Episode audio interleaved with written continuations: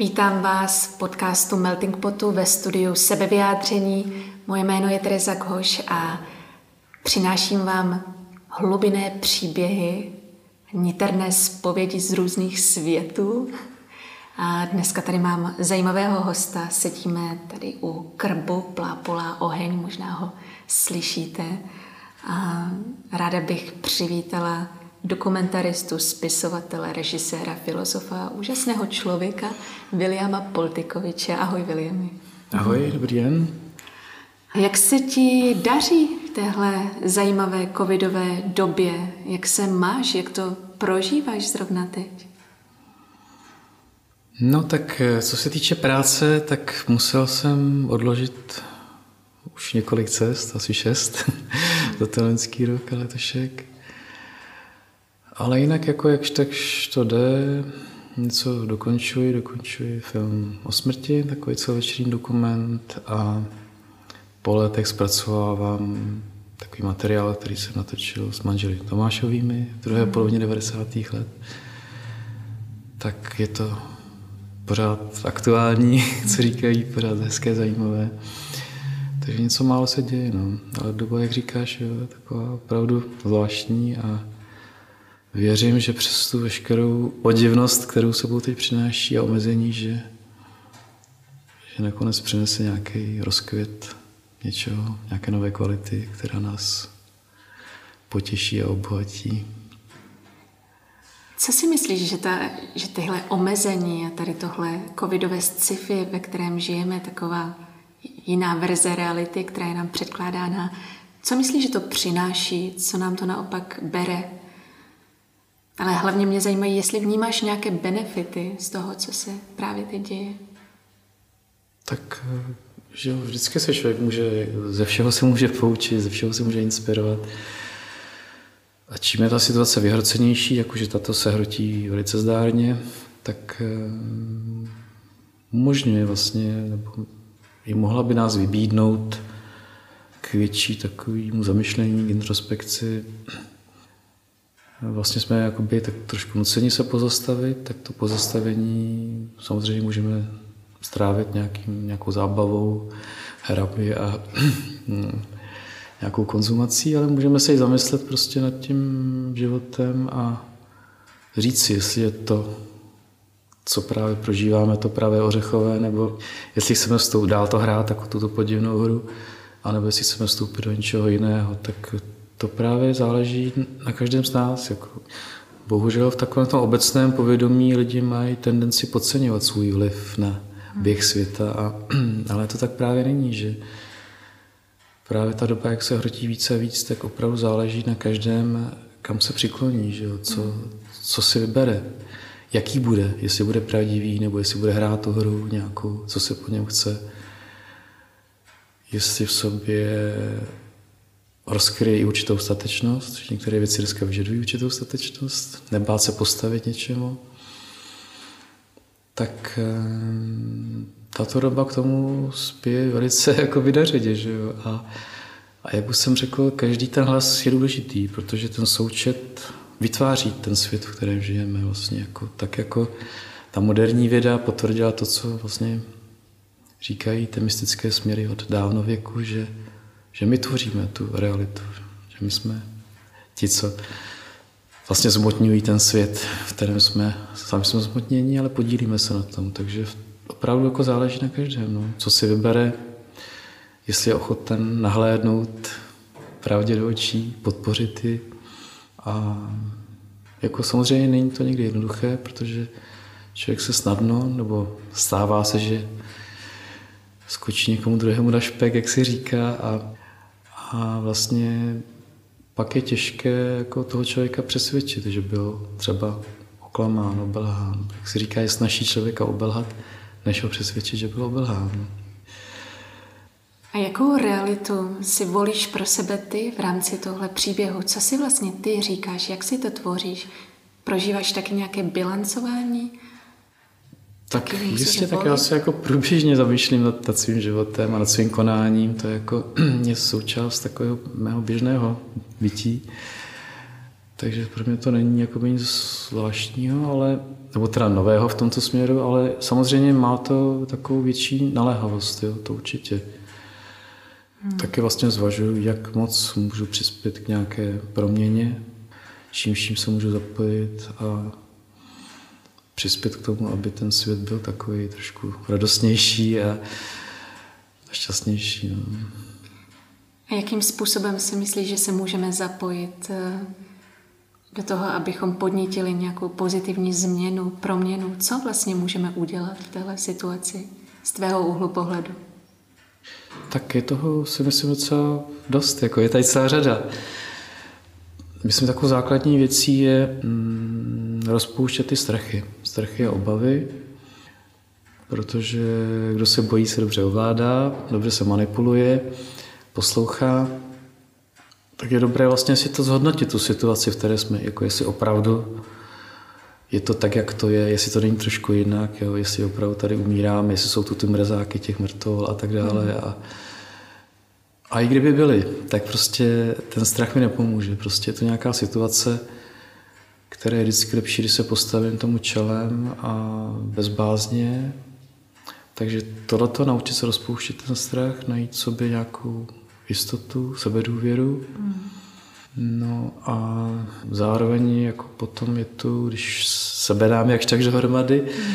tak eh, jak můžu pomoct druhým, jak můžu vlastně druhé třeba pomáhat i vymanit se z těch obav, z toho strachu, jaký můžu třeba přispět dobré náladě, něčím pomoct, něco pro ně udělat, tak to všechno potom vlastně i mě přinese něco dobrého, nějakou radost a vlastně mi posiluje v tom nasměrování, o kterém jsem mluvil, protože my takové té běžné výbavě nemáme to vědomí, že jak moc jsme propojeni s celým tím světem, s celým tím stvořením, s tím projeveným světem i tím neprojeveným, který ne, nevnímáme nebo nedokážeme běžně smysly vnímat. Tak e, moje situace, můj stav už se spojen s celým tím bytím a vzájemně se to všechno ovlivňuje, takže to je právě to, co jsem říkal, že každý máme vliv na ten celek. Mm.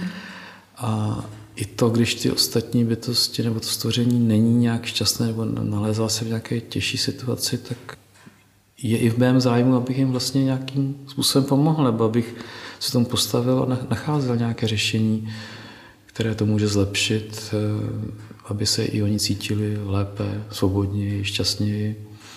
Tak eh, to si myslím, že je důležité jako rozvíjet takovou tu, to vědomí té propojenosti a té jednoty.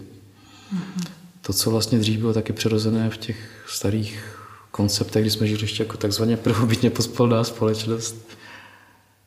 No a pak samozřejmě, taky to tu neříkám poprvé, že si myslím, že za tou bídou toho světa stojí to, že ta speciálně ta západní společnost, ta moderní euroamerická společnost, jako vytlačila z svých životů spiritualitu, až jako hmm. cíleně. Jo. A tady je dobré si nějak uvědomit, že spiritualita není nic neuchopitelného, složitého, ani nutně náboženského.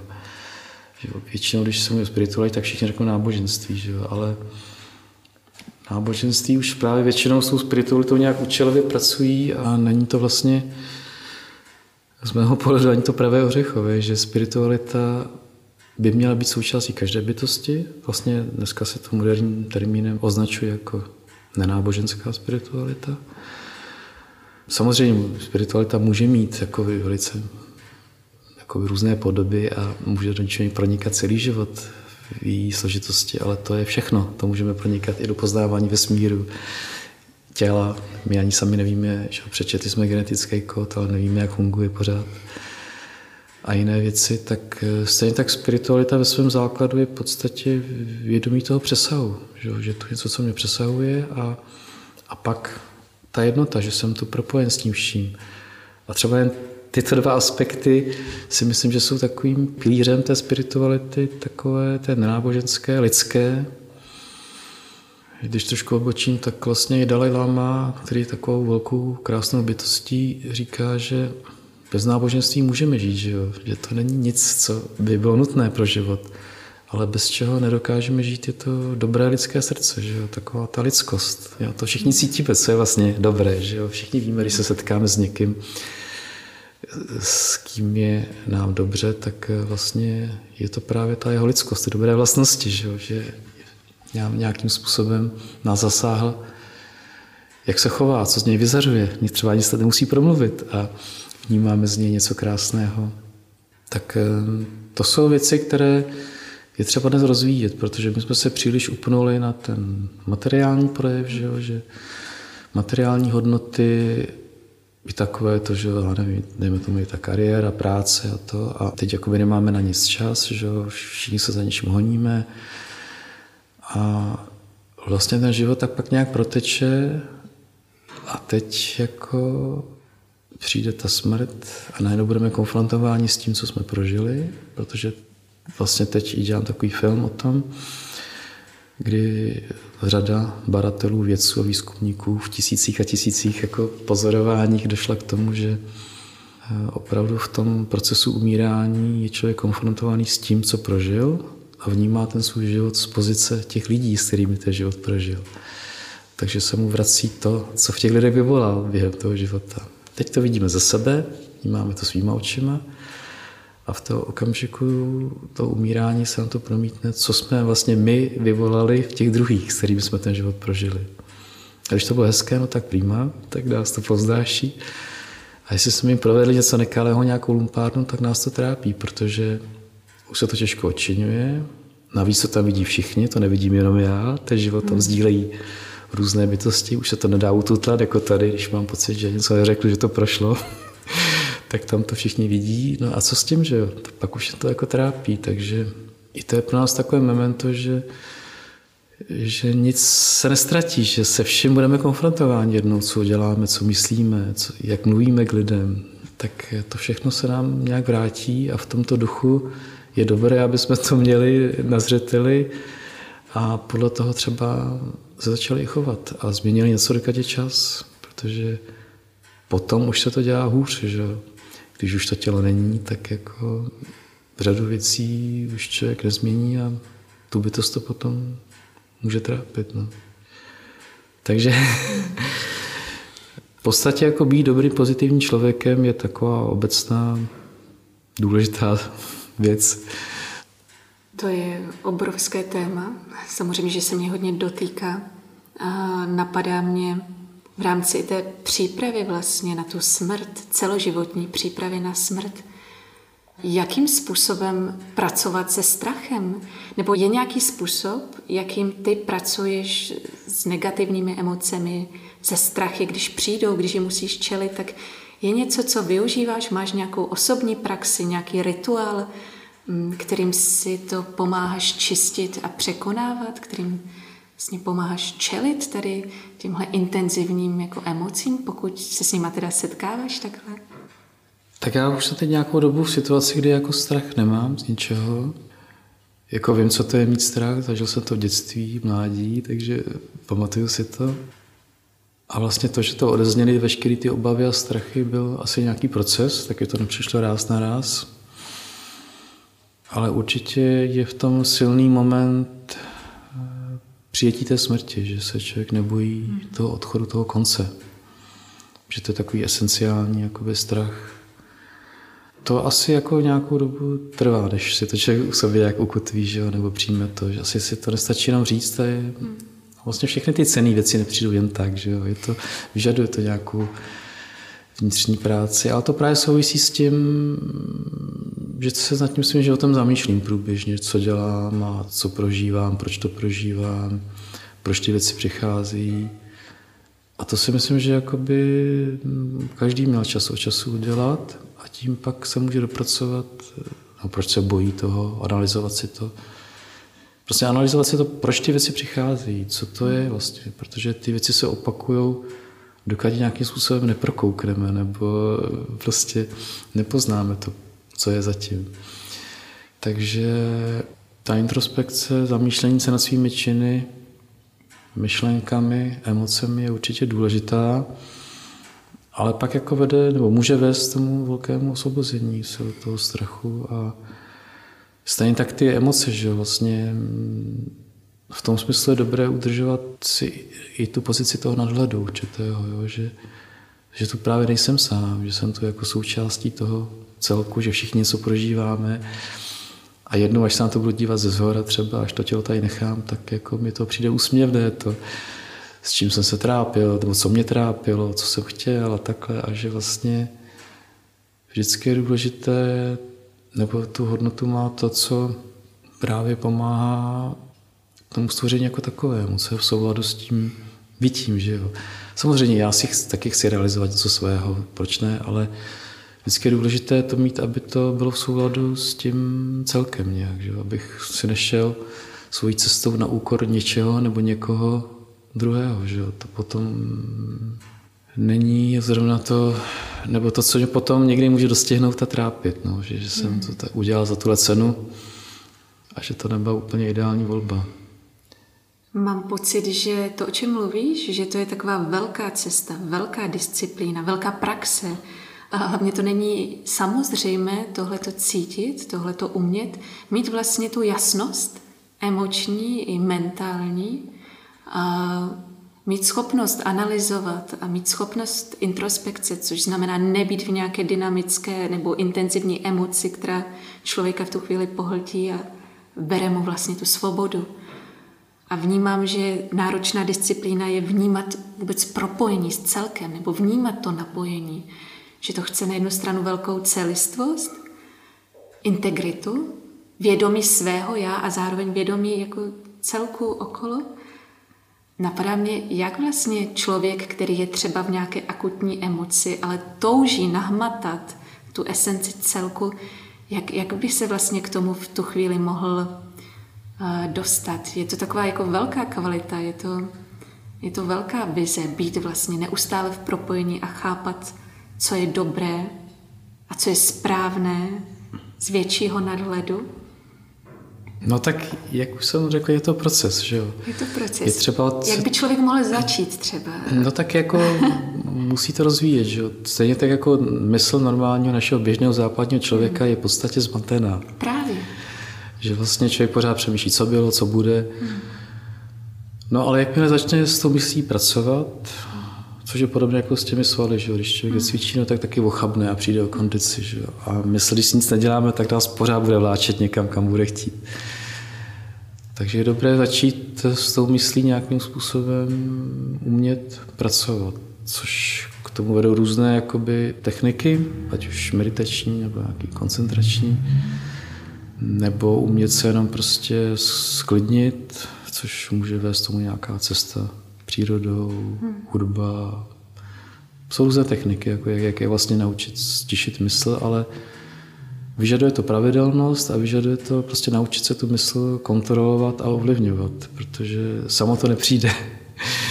Takže průběžně se na tom dá pracovat, rozvíjet to a potom ty výsledky samozřejmě jsou znát. Ne? Co používáš ty? Máš nějakou oblíbenou praxi nebo nějaký denní rituál ve svém každodenním životě, který rád opakuješ a který ti právě pomáhá zůstávat v tomhle propojení, v té jasnosti? Eh, já mám třeba tu víru, že už jsem se jako klidný narodil. Vlastně byl balička takové klidné dítě, dokonce jsem nechtěl ani brečet po porodu. A když mě propleskli, tak jsem začal brečet a viděl pokoj. Ale začal jsem poměrně, nějakým způsobem to mě bylo, že já jsem sám začal cvičit jogu někdy ve 14 letech a vlastně jsem rozvíjel takové to soustředění, ten, tu vnitřní introspekci, což bylo třeba prostřednictvím těch eh, pozic jogových a tam vlastně to je takové jednoduché, že se člověk učí soustředit se na ten pohyb, vnímání toho těla, nadech a to jsou takové jednoduché věci, které vlastně pomáhají tu mysl sklidnit, soustředit a pak se může jít třeba i dál. Pracuješ nějak vědoměji s nějakou dechovou technikou? Je ti to blízké, to téma? Nebo je to spíše No, je mi to blízké, ale teď už jako pravidelně ani nějakou techniku ne- nedělám. Občas ano, a vždycky je to dobré, to neříkám, ale spíš jako co se týče toho běžného prožívání, tak je to takové dost zdánlivě jednoduché, ale taky náročné, že být neustále soustředěn plně na tu přítomnost. Jako, jo, že vlastně co nejvíc tu mysl zakotví v tom, co se děje právě teď. Jo, že když jsem teď s tebou, tak vnímám tebe, rozhovor a nemyslím na to, že zítra jdu do střižny a jestli to mám všechno připravený a jestli to musím ještě nahrát něco na disk nebo něco. Ne. Takže rozvíjení jenom toho vnímání naplno toho přítomného okamžiku, aby ta mysl netěkala, je velice důležité a taky člověka přivede k tomu, k takové ukotvenosti a větší integritě. To rozhodně. Já bych byla moc ráda, kdybychom eh, mluvili více o těch projektech, které teďka vytváříš, které tady vlastně si už zmínil, o kterých si mi řekl předtím, například o tom filmu a velkém tématu o té smrti. A vlastně vyprávěl si mi, že jsi byl v Kostnici, jste tam natáčeli. Jo, ta Kostnice v Sedlci u Kutné hory je taková, myslím, že u nás na taková nejpůsobivější. Tam z těch koster je vyrobeno kde co, od lustrů až po erby a monstrance, já nevím, úžasné jako bizarní útvary.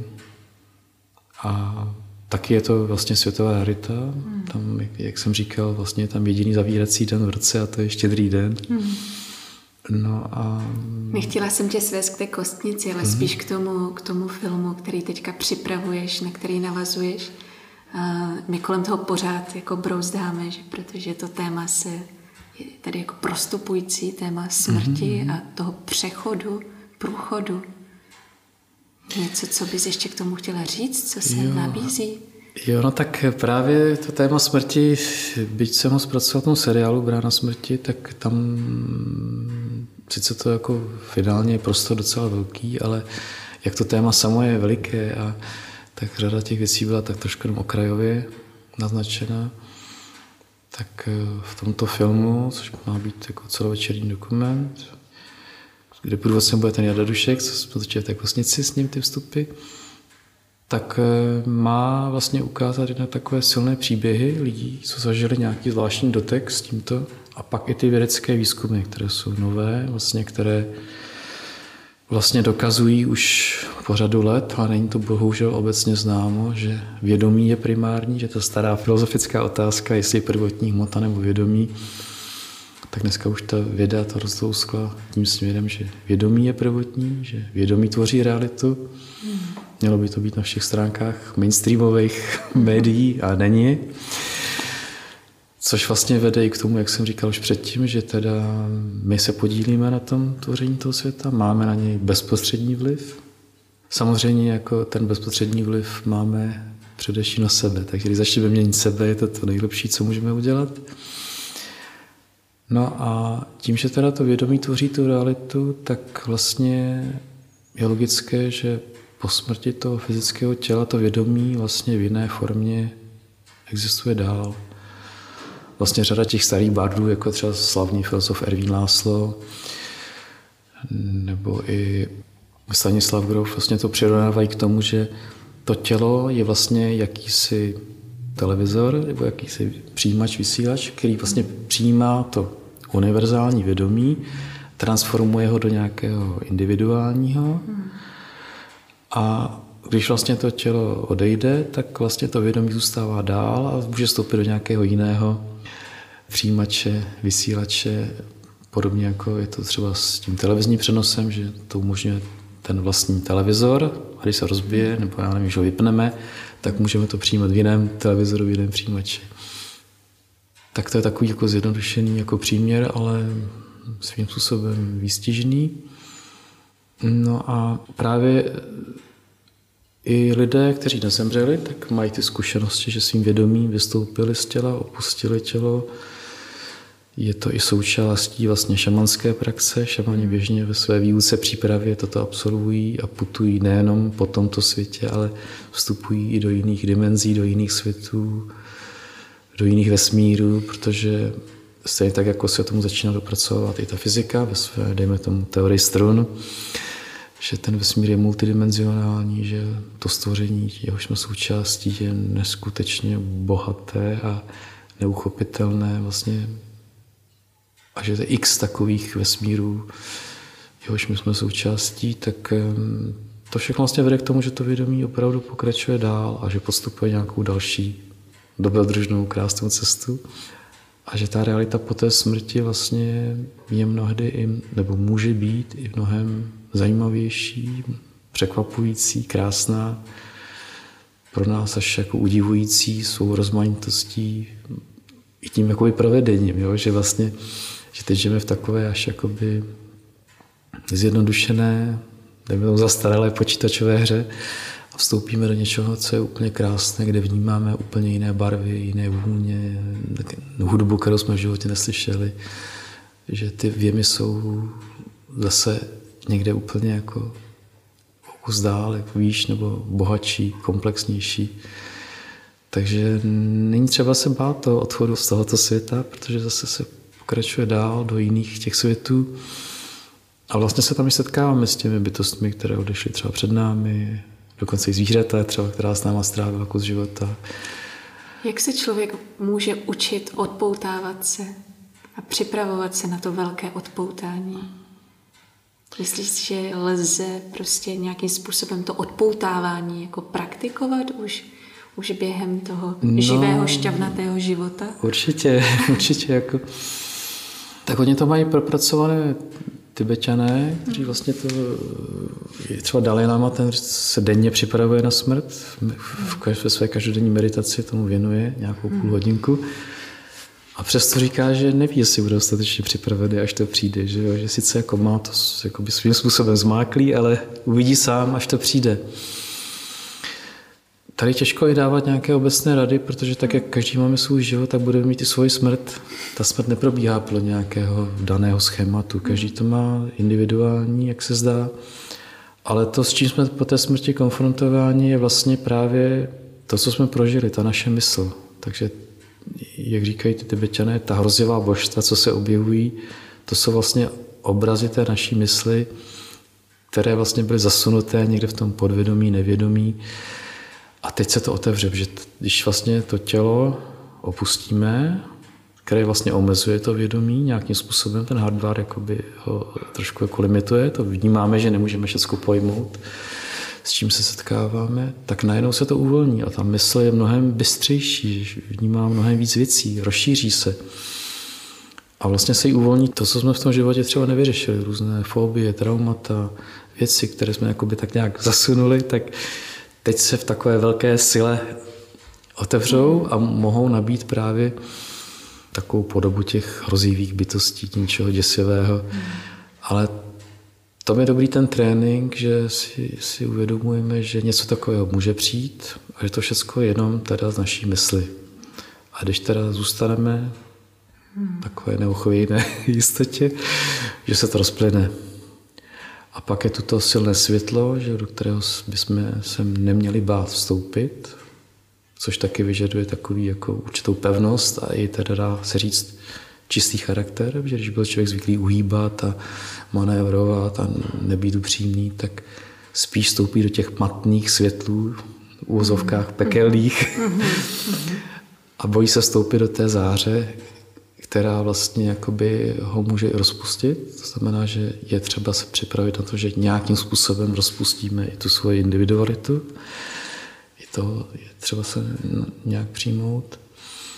Ale už jen to vědomí, že ta smrt je nějakým způsobem transformací, branou do něčeho nového, tak myslím si, že i to v zásadě postačí, aby jsme mohli rozpouštět ten strach z té smrti, aby se naopak jako zvýšilo to přijetí, tak eh, pro nás i tato věc je důležitá. No. Pak samozřejmě, kdo se to dál v tom pokračovat, tak eh, může, ale zase to, co je podstatné, co platí i v tom posmrtném stavu a k čemu dospěli všichni, co se tím zabývají, je to, co jsem vlastně zmínil na začátku, je to být tím dobrým člověkem. Jo? Že když člověk je opravdu dobrou bytostí, tak vlastně se nemá čeho bát. Co to znamená být dobrý? No, když jsem se třeba bavil na Sibiři se zastánci staroslovanské předkřesťanské víry, tak ty mi říkal, že staří slované neměli žádná přikázání, jako máme, jako známe z křesťanství, ale že u nich bylo podstatné, aby člověk v sobě měl a rozvíjel lásku. A říkal, když v sobě máš tu lásku, tak víš, co máš dělat. Nepotřebuješ jako radit a aby ti někdo říkal, co je správně, co ne, protože sám to cítíš. Sám cítíš, co je dobré pro tebe a pro druhé. Že vlastně to nějak v sobě máme, to se nemusíme učit. Stačí, když jenom opravdu rozvíjíme v sobě vědomí toho propojení a tu lásku k sobě i k těm druhým, že, jo? že jsme to vlastně jako, je to, je to jedno. Takže toto vědomí, když sobě rozvíjíme, tak nějak sami víme pak, jako co je dobré a co ne. Myslíš, že je možné si natrénovat vlastně ten průchod nebo ten pocit toho odpoutání nebo setkání s tou branou smrti třeba prostřednictvím nějakých šamanských rituálů nebo medicínských rostlin? Vlastně ten kontakt s tím jiným světem, s jinými bytostmi a hlavně s tou vlastní myslí, která je mimo kontrolu v tu chvíli? Jo, tak určitě, že jo, to jsou techniky, metody, jak se na to připravit, jak to rozvíjet, jak jsem říkal, jsou i meditační. Máš nějakou svoji zkušenost, která třeba pro tebe byla důležitá a která to nějak změnila, tvůj vztah ke smrti, skrze třeba rituál šamanský? No, já to ve svém životě mám tak, že nebyl tam žádný okamžik, který by mě nějak změnil. Já prostě to mám jako takovou pozvolnou cestu, která se nějak rozvíjí a upevňuje. Není tam nějaký předěl kvalitativní, způsobený, ať už rituálem nebo nějakou látkou. Ale samozřejmě zajímal jsem se o to, jak dělám ty filmy o různých věcech, tak to taky zkouším, že přece jenom jsem člověk zvědavý a mám v sobě takový ten průzkumínský maletelský rozměr. Takže jsem zkoušel i tu ajavasku, a vlastně první, co bylo, tak byl ten prožitek té smrti, toho konce. Jakoby jsem byl okamžitě konfrontovaný s tím, že teď skončila hra. Že už vlastně tenkrát se to zkoušel v Amsterdamu, kde to je vlastně legální, že? Všechny tyto věci bez problémů, bylo to v kostele. bylo nás tam nějakých 200. A takže to byl takový sugestivní prožitek, že teď to přišlo, že je konec, že už se nevrátím domů, že už neuvidím své blízké, že hra skončila a vlastně nezbývalo nic jiného, než to přijmout jako hotovou věc. Že? Bylo snadné to přijmout v tu chvíli vnitřně? No tak jako překvapilo mě to, že nečekal jsem to, ale tak jako přijal jsem to, no, přijal jsem to. A co se dělo potom, když si to přijal? No, jakoby ještě mě, jsem tam měl, že to můžu ukončit sám, že teda buď budu takhle čekat tak nějak na to, když to skončí úplně, že už se nevrátím to jasně do těla, ale že ještě jako že to má možnost skončit sám. A já jsem řekl, ne, tak já si na to počkám teda. Jakože jsi měl možnost volby v tu chvíli. Ano, mohl jsem to ještě, jakoby ještě úplně sám odříznout, i když jsem věděl, že cesty zpátky, ale jenom ten moment, kdy to, se to tady zakončí, jsem jako na to měl nějakou hmm. moc nebo vliv. No. A vlastně, když jsem teda řekl, že si teda počkám, tak vlastně se mi to jako ukázalo, že jako, a proč se chceš vracet, když už to všechno prošlo tolikrát. Ten život v těch tolik situací všechny. A když se chceš vrátit, tak můžeš si vybrat jak, život, jaký chceš. A teď se mi otevřely právě všechny ty vesmíry, ty dimenze, kde jsem si mohl vybrat život, jaký jsem chtěl. Úplně jsem si ho mohl naprogramovat. A vybral jsi? Ne, ne, ne, ne, vybral jsem si. Odmítl jsem tu možnost. A i tam bylo, my tě legálně vymažeme z tohohle života a rovnou vstoupíš do toho druhého. No, to bylo by to vykázat, že by jako auto nehoda, zemřel jsem. A tady bych... Přesně podobně jak to film Matrix, jo? To úplně mm-hmm. Podobná analogie. Takže to jenom chci říct, že jsou tu metody, techniky, jak se to dá nějak prožít, jak se na to připravit jsou i cílené rituály. I u nás to dělá několik terapeutů, že? kdy se to člověk učí odevzdat všechno, připravit se na ten konec. Tak určitě to je dobré.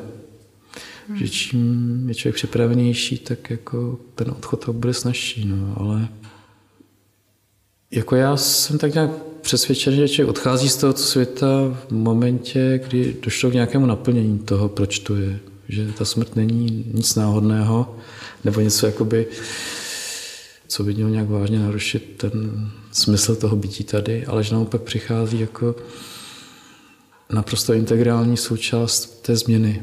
Že když se něco naplnilo a nezáleží na délce toho života, spíš na té kvalitě, tak to prostě přijde jako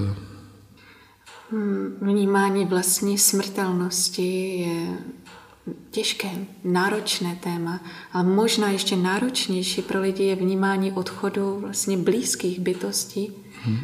lidí, nejenom lidí, ale hlavně lidí, hm, přijmout, že si zvolili, že, že vlastně završili svoji cestu a, a vlastně odevzdat tu jejich cestu, dát jim za to zodpovědnost, nebo přenechat jim tu zodpovědnost.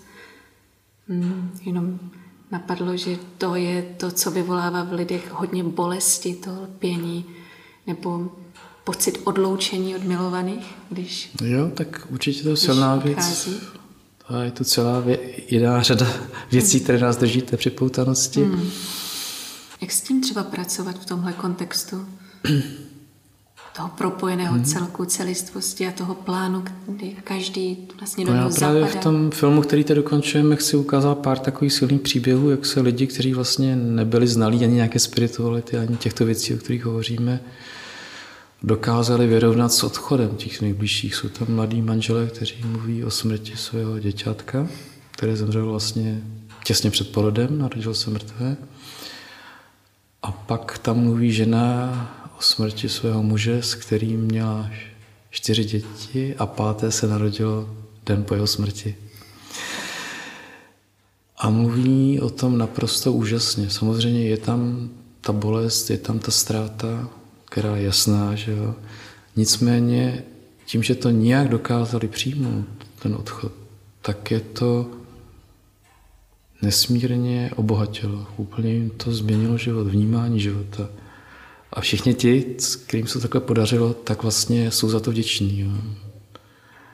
A i říká, že vlastně ten, když mluvím třeba o smrti, to byli manželé Bordovi, třeba ten muž říkal, že když držel, on vlastně, ona se narodila mrtvá, ta holčička, on jí přestřih tu pupeční šňůru, pak ještě držel v náručí a říká, že nikdy v životě neměl sobě větší klid.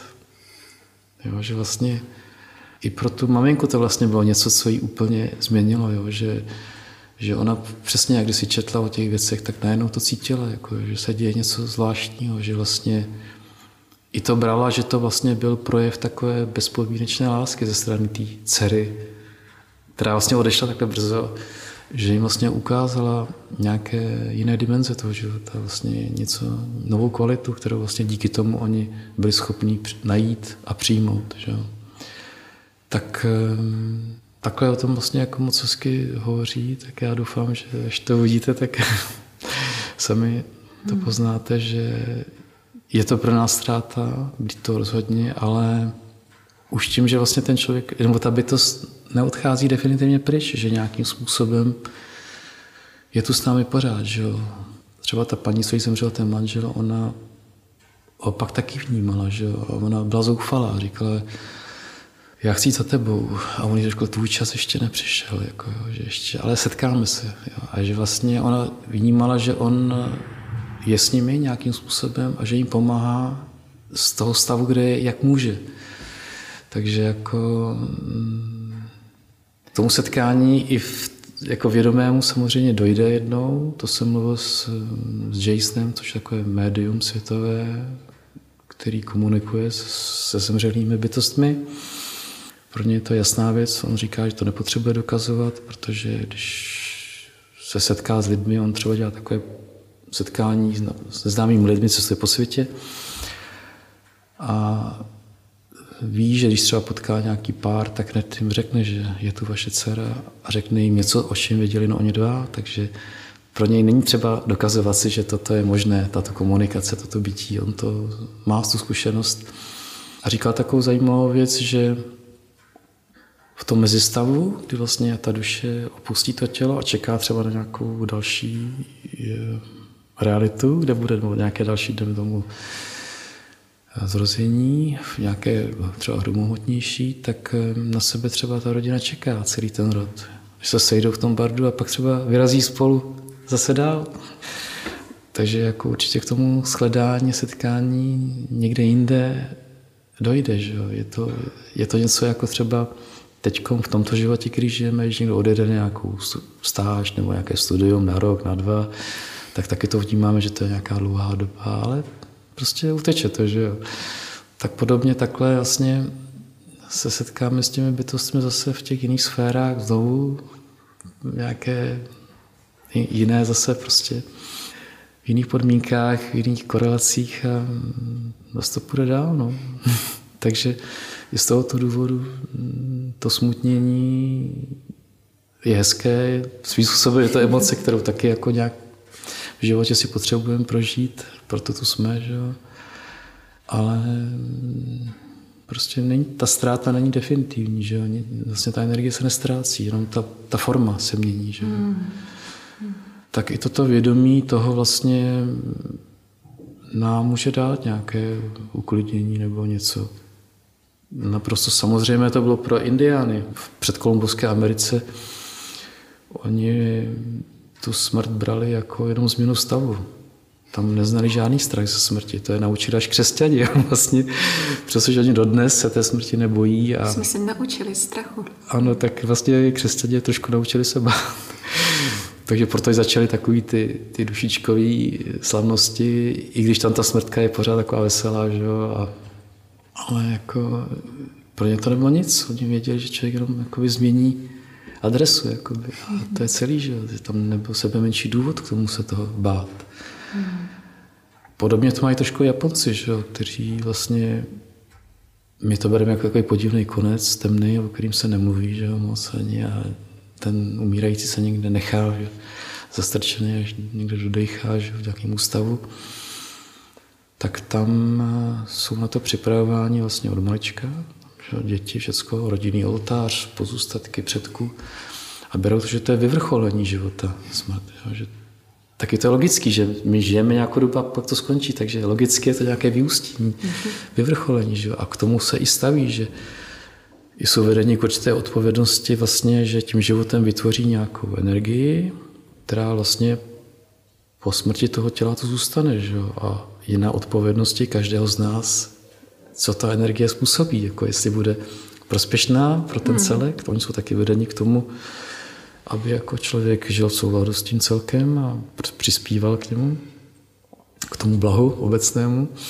A, a nebo jestli způsobí nějaký problém. Takže v tomto směru jsou tak vedeni, vychovávání a taky ten strach z té smrti tam moc není. Že jo? To známe, že pro ně ten odchod není až tak komplikovaný. Pro mě je to úplně nejvíce fascinující a přitažlivá představa zbavit se strachu. Samozřejmě toho finálního strachu, strachu ze smrti, ale taky všech ostatních hmm. strachů. Hmm. Jaké to je být v těle, které nemá strach, být ve vědomí, které nemá strach, to... No tak je to určitě takové jako osvobozující. Ano. To určitě, že člověk jako nemá... Že to člověk dělá úplně Vlastně se nebojí žít, bych řekl. Že ustrašený člověk se vlastně bojí žít a ne, nedává mu to tu svobodu ani ty možnosti vlastně, které by mohl, mohl jakoby v tom životě zrealizovat, protože ty obavy a to, tak ta člověka pořád svazuje. Hmm. Není tam ten rozhled, který by mohl mít. Hmm. Si přeju, abychom všichni mohli zakusit stav svobody, rozletu a stav bez strachu, no? Jo, tak tak určitě to... Každý člověk to někdy třeba zažije v nějaké chvíli, že jo. Hmm. Přijde takový moment, kdy to tak cítí, že vlastně všechno je možné, že jo. Že... Hmm. Většinou, když jsme zamilovaní, to je hmm. nejčastější, že to přijde v tu chvíli. Člověk intoxikován, yeah. splývá s proudem, s partnerem, se světem a potom se zase začne vydělovat a milně to pokládá hmm, Většinou mám pocit, že, ho, že to člověka zmate. No? Vlastně zapomíná na to, že to spojení je jeho, že je tam celou dobu, že je tam pořád, že, že to napojení je možné vždycky, že k tomu vlastně nic nepotřebuje.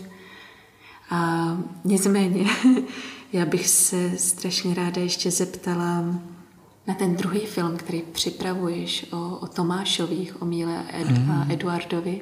Mohl bys mi k němu říct víc? A ty se k tomu tématu vracíš znovu, že? A čím tě tak zaujalo, co vlastně ti to přináší Jo, tak, tak já jsem tam chodil v nějak od konce těch 80 let a vlastně v polovině 90. let jsem natočil, předtím jsem natočil Gen s Eduardem Tomášem v 93. A v 95. jsem natočil ty paměti Mystika. Česká televize uvedla v roce 98. No ale když jsem viděl, že vlastně mm, Eduarda to natáčení docela i bavilo a vlastně chtěl, a bylo to, ty paměti mystika jsou především promluvy Eduardovi o životě, mystika, hmm. tak eh, jsem si říkal, že by bylo hezké natočit i povídání s Mílou, takže jsem vlastně potom tam chodil s kamerou dál a když měli náladu, tak jsme vlastně takhle s ním povídal a natočil se s ním rozhovory které vlastně dlouho ležely u mě v archivu. A teď vlastně jsem se rozhodl, že je dobré to, tomu dát nějakou hmm. podobu a dát je rozdávat do světa, protože je to zase vlastně takový příspěvek k té nenáboženské spiritualitě. Oni se vlastně, myslím, hodně zasloužili o to, že se to u nás šířilo a v té době, kdy oni to byli, to byl taky takový výjimečný fenomén, protože Nedovedu si dneska představit třeba nabitou lucernu, úplně stišenou, kras, krasnutí nabitou, tam nebylo volné místečko, že všude dole, prostě všude balkony, všechno bylo napichovaný lidma, který byl úplně tichonký. Si pamatuju tu scénu. Hmm. Tam by prostě jako, a tam prostě sedí za stolem starý pán a něco povídá. Jako, to je neuvěřitelné. To, to, to je, Takže něco z té atmosféry bude i v tom, tom připraveném projektu a, a budou tam ty jejich jako mm, promluvy, které vlastně směřují k tomu poznání a jak je to s tím egem, jak je to s tím stvořením a vlastně vnímání toho, co je pravdivé, co je klamné, kam vlastně tak nějak směřujeme, tak a vlastně je, dá se říct o tom osvobozování se, včetně toho strachu, tak si myslím, že se to teď vyhodí, že to nevadilo, že to takovou dobu leželo a že teď takže určitě nějak do toho léta by to mohlo být hotové, během léta. Máš na ně nějakou svoji vlastní, osobní, intenzivní vzpomínku, která se ti vrací třeba v tomhle období? Jo, tak mám, tak hm, jsou to vzpomínky z soukromého rázu, který, kdybych řekl, tak by to vyznělo tak zvláštně a Máš tam nějakou, která je zveřejnitelná? Asi ne nějaká konkrétní nějaká historka, nebo to asi ne, tak každé to setkání bylo hezké, že já jsem jako zase nechtěl to nějak zneužívat, jezdil jsem tam opravdu tak jako jednou za čas a, a většinou teda už s tou kamerou. Ale pokaže to byl takový, že svátek, no, že tak oni v sobě měli něco, že co vlastně když se tomu vrátím, tak bych to mohl připodobnit asi jako, že Václav Havel mluvil o Dalaj Lamovi, že vlastně že ho vždycky zasáhlo to jeho charisma a že v té jeho přítomnosti mu hned byl líp. Hmm. Tak něco podobného to bylo s těmi Tomášovými, že vlastně ani nemuseli promluvit a něco člověka zasáhlo a ten takový ten klid, to poznání, ta vyrovnanost tak nějak samovolně se přenášela i na ty ostatní. Hmm. No. Vlastně je to i v té naší pohádce Sůl na zlato, jak je tam taková ta babička, která vlastně ani nepromluví a všichni říkají, je, ty jsi krásná babička. no tak eh, asi tak, no. Já bych se tě chtěla ještě v závěru zeptat na to, kdyby si měla možnost potkat eh, nějakou bytost všemocnou, která by ti nabídla, že ti splní tři přání? To je taková pohádková otázka.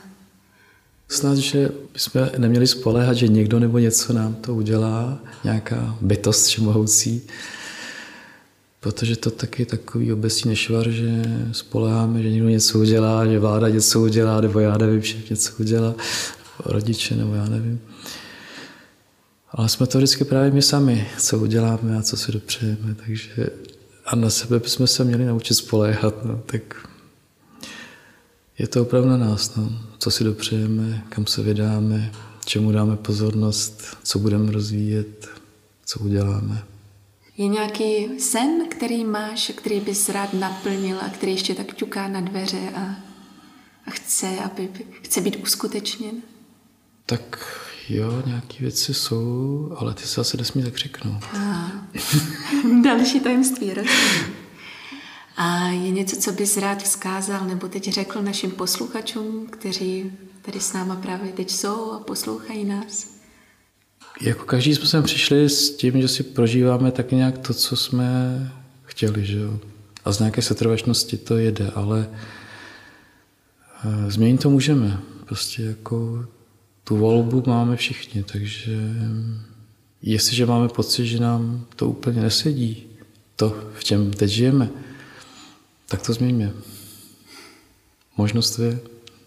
Já ti moc děkuji eh, za hloubku, za otevřenost, eh, za niternost toho sdílení a těším se třeba na nějaké další příští povídání. Měj se krásně, díky. Jo, taky děkuji. A loučím se i s našimi posluchačemi.